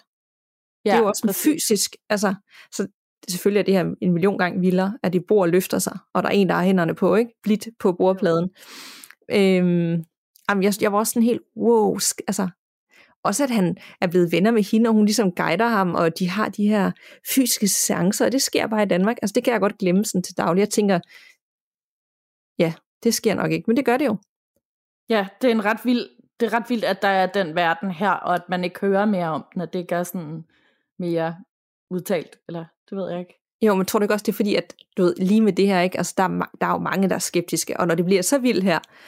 så er det måske sværere at dele, fordi så folk bliver sådan, nej, nu det er for langt ud, det der, det, det er simpelthen for skørt. Altså, det er ja, folk for ja. svært at holde til. Det er så rigtigt, det er nok derfor også. Altså, jeg var lige ved at dø af skræk, da du begyndte at fortælle, eller ja, da du læste det op med øh, den der Sleep Talk app der, så tænkte jeg, åh oh, nej, nu bliver det virkelig uhyggeligt. Ja. Men så var det heldigvis ikke så slemt. Nej, og jeg tænker faktisk, at de er jo ikke altid interesserede i at blive fanget øh, på optagelser, hvis der er noget. Altså, det var en oplevelse, han skulle have for sig selv. Øh, ja. Så et eller andet sted, så synes jeg også, det var fint, han prøver rigtig at planlægge det, og nu skal jeg rigtig fange det her. Og så den dag, han ikke gør det, for han går bare i seng, og tænker, der kommer ikke noget, og så kommer det. Altså det, det synes jeg også var meget fint. Ja, helt klart. Og jeg synes også, det var rigtig rart at høre om en, der er vokset op med det, og har det i familien, og øh, du ved, kender hende som et meget kendt medium, og selv arbejder med nu, kan have en tvivl, og, og i tidspunkter i sit liv være skeptisk og tænke, er det bare noget, jeg forestiller mig, du ved, altså, er det bare en illusion, det hele går, vi alle sammen og forestiller os det her, og så sker det ikke i virkeligheden, ikke? Det er rart nok mm. at høre, at man ikke bare sådan, altså han, er, man kan godt arbejde med den her verden, og stadigvæk være meget skeptisk anlagt, og have brug for forklaringer på tingene. Ja, helt klart. Det er, jeg har også en veninde, hvis barndomsveninde også, det var sådan en helt almindelig kendt ting, at øh, hun ligesom var meget i kontakt med den anden verden og sådan noget. Øh, hvor at hun lige pludselig også dukkede op en dag, og så var hun i tvivl om det hele bare var noget, hun havde forestillet sig og sådan noget. Så jeg tror også, det er sådan meget almindeligt det der med, at man kan blive helt i tvivl. Hvad er det her egentlig? Men, men det kan vi jo også stadig. Der er jo også dage, hvor jeg tænker, at vi har hele det her, de ting, jeg tænker, har jeg egentlig Altså, har jeg overhovedet oplevet noget, eller er det bare mig, der har kørt op i mit hoved, og så er jeg blevet bange? Men det er jo bare noget, jeg selv har skabt, fordi jeg søger på det, ikke? Og taler om det, jo. men jeg kan jeg egentlig altså stålfast sige, at jeg tror på det. Altså det er jo også at dage sådan, nej, det, det, det findes ikke, det er bare, det er bare min fantasi. Ja, det er det samme her, altså, og det, måske bliver jeg mere og mere overbevist om det, øhm, men, men ja, altså jeg kan også sagtens finde logiske forklaringer på alt det, jeg har mødt, altså jeg kan sagtens mythbuste alt, ikke? men øhm, det, er også, det er også et eller andet sted et spørgsmål om, hvad er det egentlig, man har lyst til at tro. Og sådan, nu hvor man finder ud af øh, alt muligt mere, flere ting om, hvad der sker ude i rummet, øh, så synes jeg efterhånden, man er lidt fjollet, hvis man tænker, fuldstændig afviser tanken om, at der findes rumvæsener. Så i virkeligheden er man nok også lidt fjollet, hvis man bare sådan helt afviser, at der ikke sådan er spøgelser, eller en anden dimension, eller et eller andet andet. Altså, vi kan jo ikke vide det. Nej, men jeg tror også, det er en måde at beskytte sig selv på. Du ved, sådan, det er nemmere, hvis det ikke findes. Ja. Det er nemmere, hvis man ikke skal forholde sig til noget, man ikke kan se. Sådan har jeg det også. Jeg vil også nogle gange ønske, at det ikke var rigtigt, fordi så, så var der jo kun være det, jeg kunne se, og så er der ikke noget at bange for. Og jeg skulle ikke ja. forholde mig til alt muligt, du ved, der kunne skræmme livet af mig. Der skulle kun være det, jeg kunne se. Så jeg kan godt sætte mig ind i, at man var sådan, nej, det findes ikke. Altså, det gider jeg slet ikke snakke om, fordi det er åndssvagt. Altså, Helt uden klart, at, det, ja. at det, det er også en måde at beskytte sig selv på, for det ukendte. Ja, det giver rigtig god mening. Ja. Så tusind, tusind tak for den, øh, Frederik. Jeg var, ja, det var, det var en fantastisk beretning. Du må meget ja, gerne dele alt. Jeg var sådan helt, jeg vil også høre om alt det andet, der skete til den seance. Det kan jeg jo ikke vente på. Jeg skal Præcis, ja. Du skal fortælle os alt, hvad du nogensinde har oplevet, så du ja. kan lige så godt bare gå i gang med at skrive en hel roman ja. til os. Gør det. tak. yes. Fantastisk. Nå, men jeg har en her også fra en Isabella, som skriver, Hej gåsehud, jeg er lige begyndt at høre jeres skønne podcast, og selvom jeg primært kan lytte med om dagen, hvis jeg vil kunne sove om natten, så er jeg vild med den. Derfor tænkte jeg, at jeg ville fortælle min historie. Jeg har selv oplevet mange ting i forbindelse med det overnaturlige. Både min søster, min mor og flere på min mors side af familien har set afdøde personer. Vi har alle sammen følt noget ubehageligt hjemme i min forældres gamle lejlighed, og særligt i gangen. Men vi har ikke kunne sætte en finger på, hvad det var. Da jeg var omkring 17 år, vågnede jeg en nat som så mange gange før. Men denne nat slog jeg øjnene op til en ung mand med lyst langt hår. Hans hoved hang, som et hoved ville gøre, hvis en mand var blevet hængt. Og han var bleg, og så stod han bare og kiggede på mig. Jeg lukkede mine øjne af ren frygt, og sådan lå jeg, til der blev lyst. Jeg så ham aldrig igen, men følte ikke, at jeg var alene, når det blev mørkt. Jeg fortalte min mor om det, og hun fortæller, at hun selv har set et familiemedlem stå i døren og kigge på hende og min søster, da min søster var baby. Hun fortalte, at det her familiemedlem forsvandt, da hun højt bad ham om at forsvinde, fordi hun blev bange for ham. To år efter min oplevelse flyttede jeg hjemmefra i en etværelseslejlighed. Jeg fik hund og begyndte at falde til ro i min nye bolig, men efter nogle måneder begyndte mine rullegardiner at rulle op til midt på vinduerne. Min hund begyndte at stå på min seng og kigge hen i et særligt hjørne og gøde som en gal. Og så kom jeg to gange hjem til, at der var blevet pillet nogle taster af min bærbare computers tastatur. Jeg spurgte min mor og søster, hvordan det var hjemme hos dem, i forældrenes lejlighed, og sjovt nok, så følte de ikke rigtig længere noget, at der var noget, der var underligt der. Jeg var så utrolig bange, og jeg huskede på min mors råd, så hver gang der skete noget, sagde jeg højt ud i rummet, at jeg ikke ville have, at de var der, og at jeg blev bange. Og af en eller anden grund, så stoppede tingene lige så stille med at ske. Da jeg flyttede i min nuværende lejlighed og blev gravid med min datter, gik jeg og lavede hendes kommende værelse. Hendes seng stod længst væk fra hendes værelsesdør med en masse bamser af. Jeg var gået ud i stuen og ryddet lidt op, og pludselig begyndte en af de nederste batteridrevne bamser i sengen at synge. Den spillede flere gange i træk, og på grund af min tidligere oplevelse begyndte jeg med det samme at græde og skræk. Det skal siges, at min far var død to år tidligere, så helt instinktivt sagde jeg, far, hvis det er dig, så er du velkommen til at være her og holde øje med mig og den lille. Men du må ikke vise dig, og jeg vil ikke vide, at du er her, for så er jeg bange. Bamsen stoppede med at synge, og jeg har ikke hørt noget fra den siden den aften. Jeg føler nogle gange, at jeg ikke er alene, men jeg ser og hører ikke nogen tegn mere. Det var min historie. Tak for en fed podcast og det medfølgende gåsehud. Med venlig hilsen Isabella M. Så ånden er simpelthen taget med hende fra lejligheden? Ja, åbenbart. Ej, ja, ja. Øv. Altså. Ja. og det, det, det, det er sådan nogle små ting, ikke? Altså det der med, at gardinerne er rullet halvt op. Ja. Altså det, er jo, det, lyder, åh, det lyder ikke vildt, men alligevel, jo, det er vildt nok til sådan, er det mig, der er skør, eller er det her, det der bare klamt, og at der er pillet noget af tastaturet. Sådan lidt en drilleånd.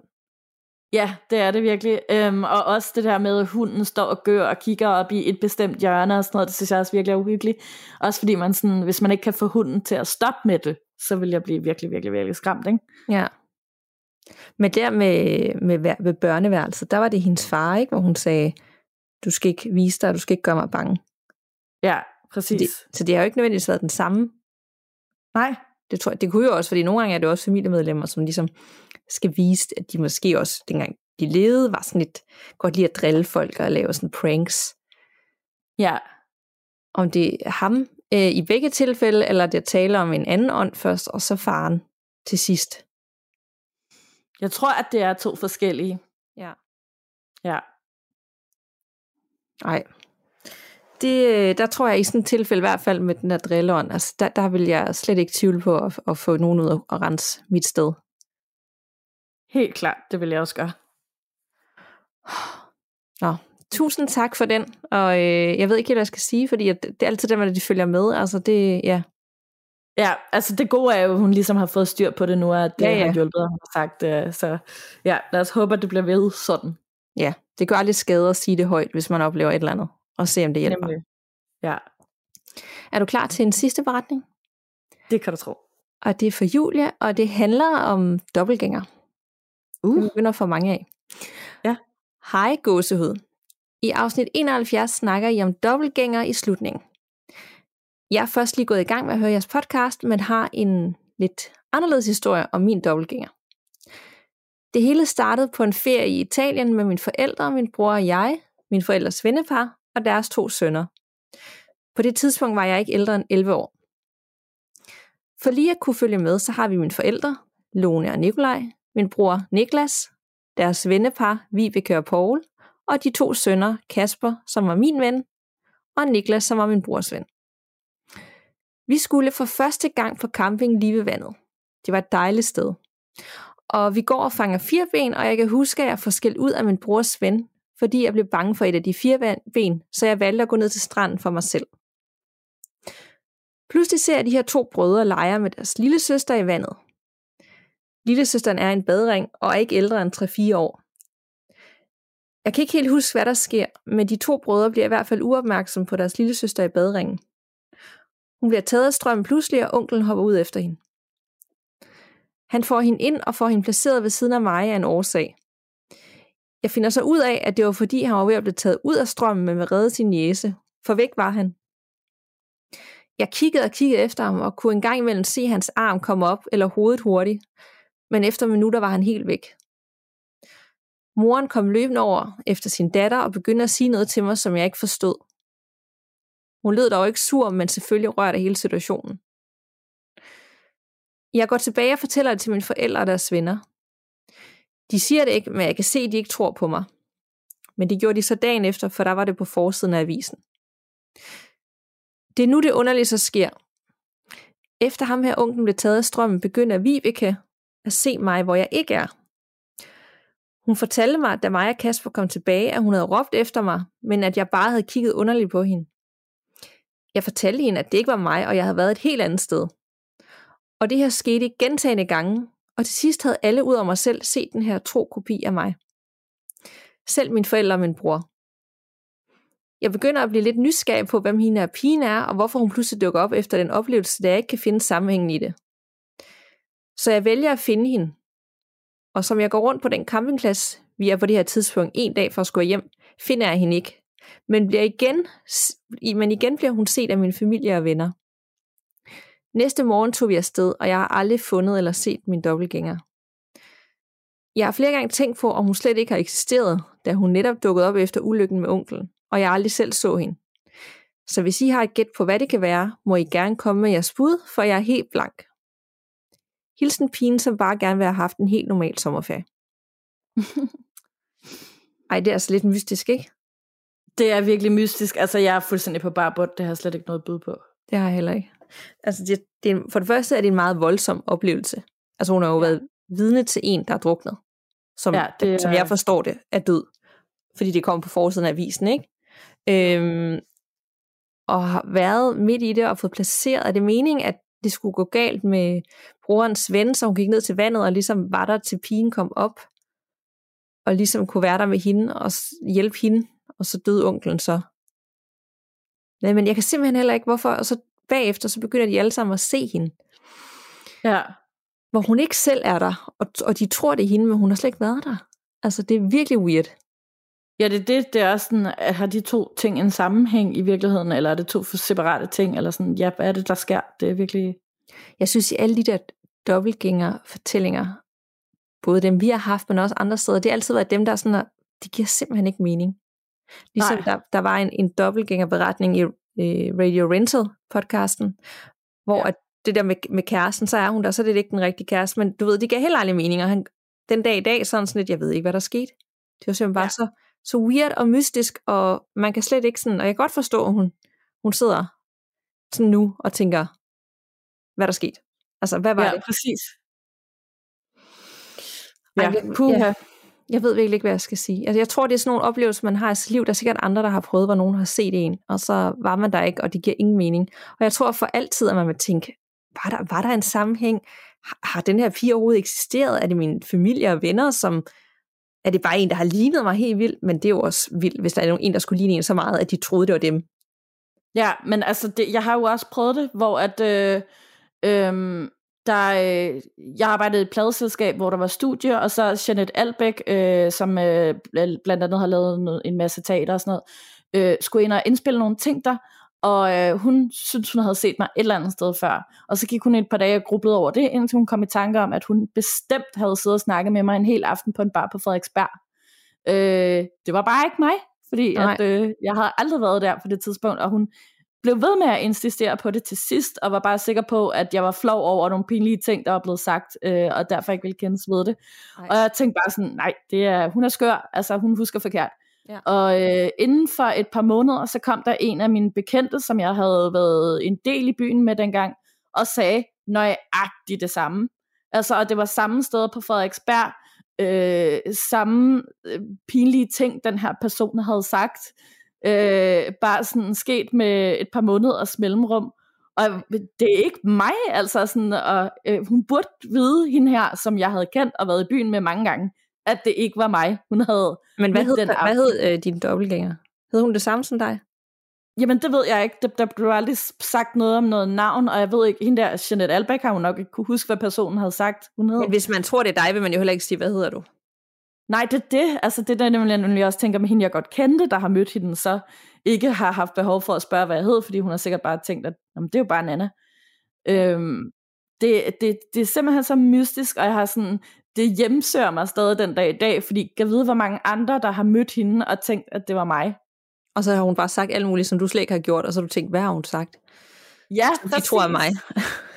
ja, ja. Ej, det kan jeg godt forstå, du synes er ubehageligt. Det, altså, det tænker jeg også tit, kan vide, om vi alle sammen har en eller anden dobbeltgænger. Er det så bare en person, der ligner os helt vildt, og så man tror, det er den person? Eller er Ja. ja. der nogen, du ved det der med en ond dobbeltgænger? Er der nogen, der går rundt og udgiver sig for en, og så prøver at sabotere en, og sige nogle ting, Ja. ja. som ikke er fede? Altså, sådan er det jo i Præcis. nogle af beretningerne. Det er det, ligesom i os filmen der. Ja. ja. Uh. Ja, så det, det er sådan bare et, et fænomen, som vi ikke kan give svar på, og vi, jeg vil aldrig forstå det, og det er bare, det er noget af det, der skræmmer mig allermest. Selvom der ikke behøver at være noget overnaturligt over det, så er det bare uhyggeligt. ja, det er det virkelig. Ad.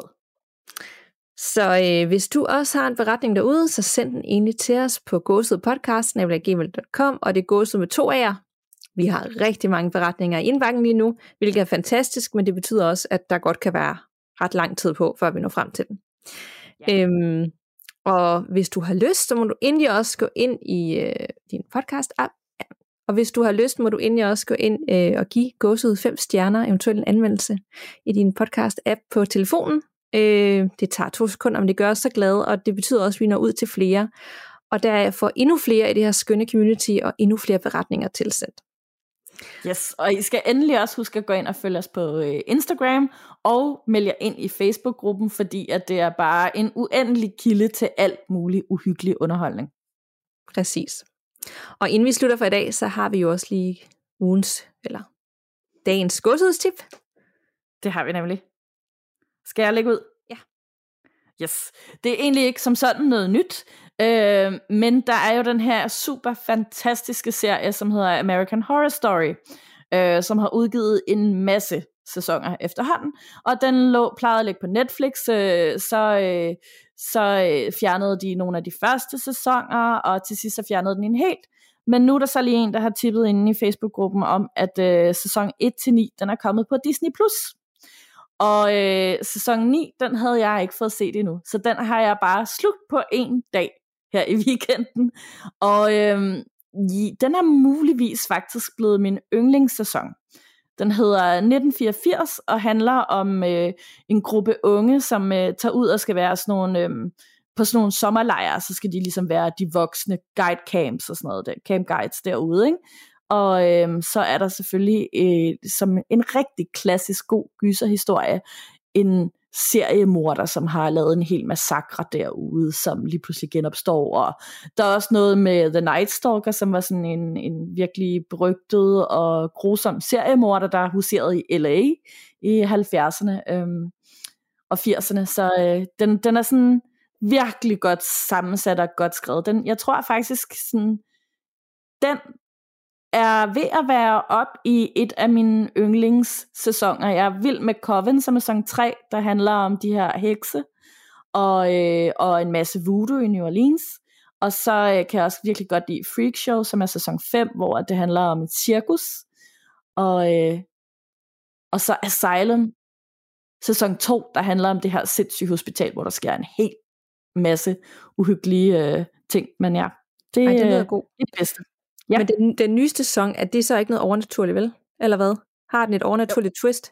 Har de altid det? Den har, den har altid et eller andet form for overnaturligt twist, og det er tit også noget super skørt. Ja. Det er fordi, jeg har jo aldrig set, altså jeg har set sæson 1 og 2. Og så røg jeg ja. faktisk lidt af. Du ved, så bliver det, nogle gange, Ja. så bliver det, det er jo også lidt mærkeligt og anderledes. Ja. Ikke? Og så har jeg Jo. aldrig rigtig fået samlet op på det. Øh, men den nye sæson, du taler om, Ja. det, det, altså det der med det sådan udskoven og sådan et camp og sådan noget, det kunne godt være mig. Helt sikkert. Den, den synes jeg altså, du skal prøve, og jeg tænker altså også øh, sæson 3 med The Coven, med heksene og med voodoo og sådan noget, den, den, den er virkelig også god. Den Ja. tror jeg også godt, du vil kunne lide. Det må jeg lige få set. Men øh, jeg har også to godsud, faktisk to godsudstip med i dag, fordi der var ja, jeg, jeg kunne ikke lade være. Men den første er, øh, fordi vi har jo snakket meget om Radio Rental gennem tiden, og Spooked, som er, tror, to, to af mine favorit podcast derude. Men de holder begge to virkelig, altså der er få afsnit, og de holder nogle gange sådan en års pause, fordi jeg forestiller mig, at det tager rigtig lang tid at lave. Ja. Så man sidder bare, åh, jeg kan ikke vente mere, og lytter lidt til den igen og sådan noget. Og så tænker jeg, der må simpelthen være noget lignende. Altså det kan ikke være de eneste to på den måde. Øhm, hvor det er selve dem, der har oplevet det, der, der fortæller historien. Sat der. Så jeg fandt et, efter at have søgt på Google, der hedder Monsters Among Us, øhm, som er præcis det samme, hvor at der er nogen, der, de, det her der ringer de så ind til sådan, de har fået et telefonnummer, så kan man ringe ind og, øh, og fortælle sin øh, historie. Så det er sådan lidt, du ved, lyden er også lidt som sådan telefonlyd, men det gør ikke noget, det er faktisk med til ligesom at gøre det endnu mere uhyggeligt. Og de fortæller så øh, nogle, om nogle uhyggelige ting, de har oplevet. Øh, noget af det er med ånder og overnaturligt. Der er også øh, en del, der er sådan med, med eventuelle rumvæsener og sådan bare uforklarlige ting, og også noget, hvor det kan være, hvor det ikke er overnaturligt, men det bare er mega mystisk, og de har aldrig fundet ud af det er. Øh, og det fungerer vildt godt, ligesom de andre, og det, det endnu mere gode ved den her, det er, at der er mange flere afsnit allerede. Altså det er helt vildt, den har eksisteret siden 16. Jeg kendte den bare Fedt så der, jeg har ikke engang startet for afsnit lidt, fordi hvis jeg finder en, en ny en, så kan jeg godt lide lige at hø- høre de nyeste, for lige sådan finde ud af, hvad det er. Fordi tingene kan jo godt ændre sig gennem tiden. Det har de jo også Ja, gjort, gjort for os. Øhm, Jamen. men så jeg plejer bare at starte lidt for det nyeste, og så, og så går jeg lidt bagud, og så går jeg lidt i midten og sådan noget. Man behøver ikke høre det i en bestemt rækkefølge. Nej. Så hvis man godt kan lide den type podcast, hvor at det er personen selv, der fortæller sin historie, så kan den det. Og det fik mig faktisk til at tænke, at nu læser vi jo andres beretninger. Men hvis man nu derude tænker, der er nogen, der skriver, at jeg er virkelig dårlig til at skrive, øh, så det holder mig fra at dele det, jeg har oplevet, så kunne man jo godt sende en lydfil til os. Ja, Altså man kan jo optage på sin telefon en lydfil, hvor man bare sidder og forklarer det, man har optaget, og så, det er ikke noget, vi skal gøre fast, men så nogle gange, hvis der er nogen, der gerne vil gøre det på den måde, så kunne vi godt klippe ind og sige, nu kommer der en lytterberetning, og så vil de selv fortælle den. Helt Jamen, klart. Det synes jeg er en rigtig god idé. Ja. Man kan jo altid prøve det af en gang. Hvis, fordi der er nogen, der skriver, at jeg, jeg er virkelig dårlig til at få det ned på skrift, eller jeg har det, altså, det bliver ikke godt. Altså, så kan man også sende os en lydfil, hvis man får lyst til Ja. det. Det synes jeg bare, vi gør, ja.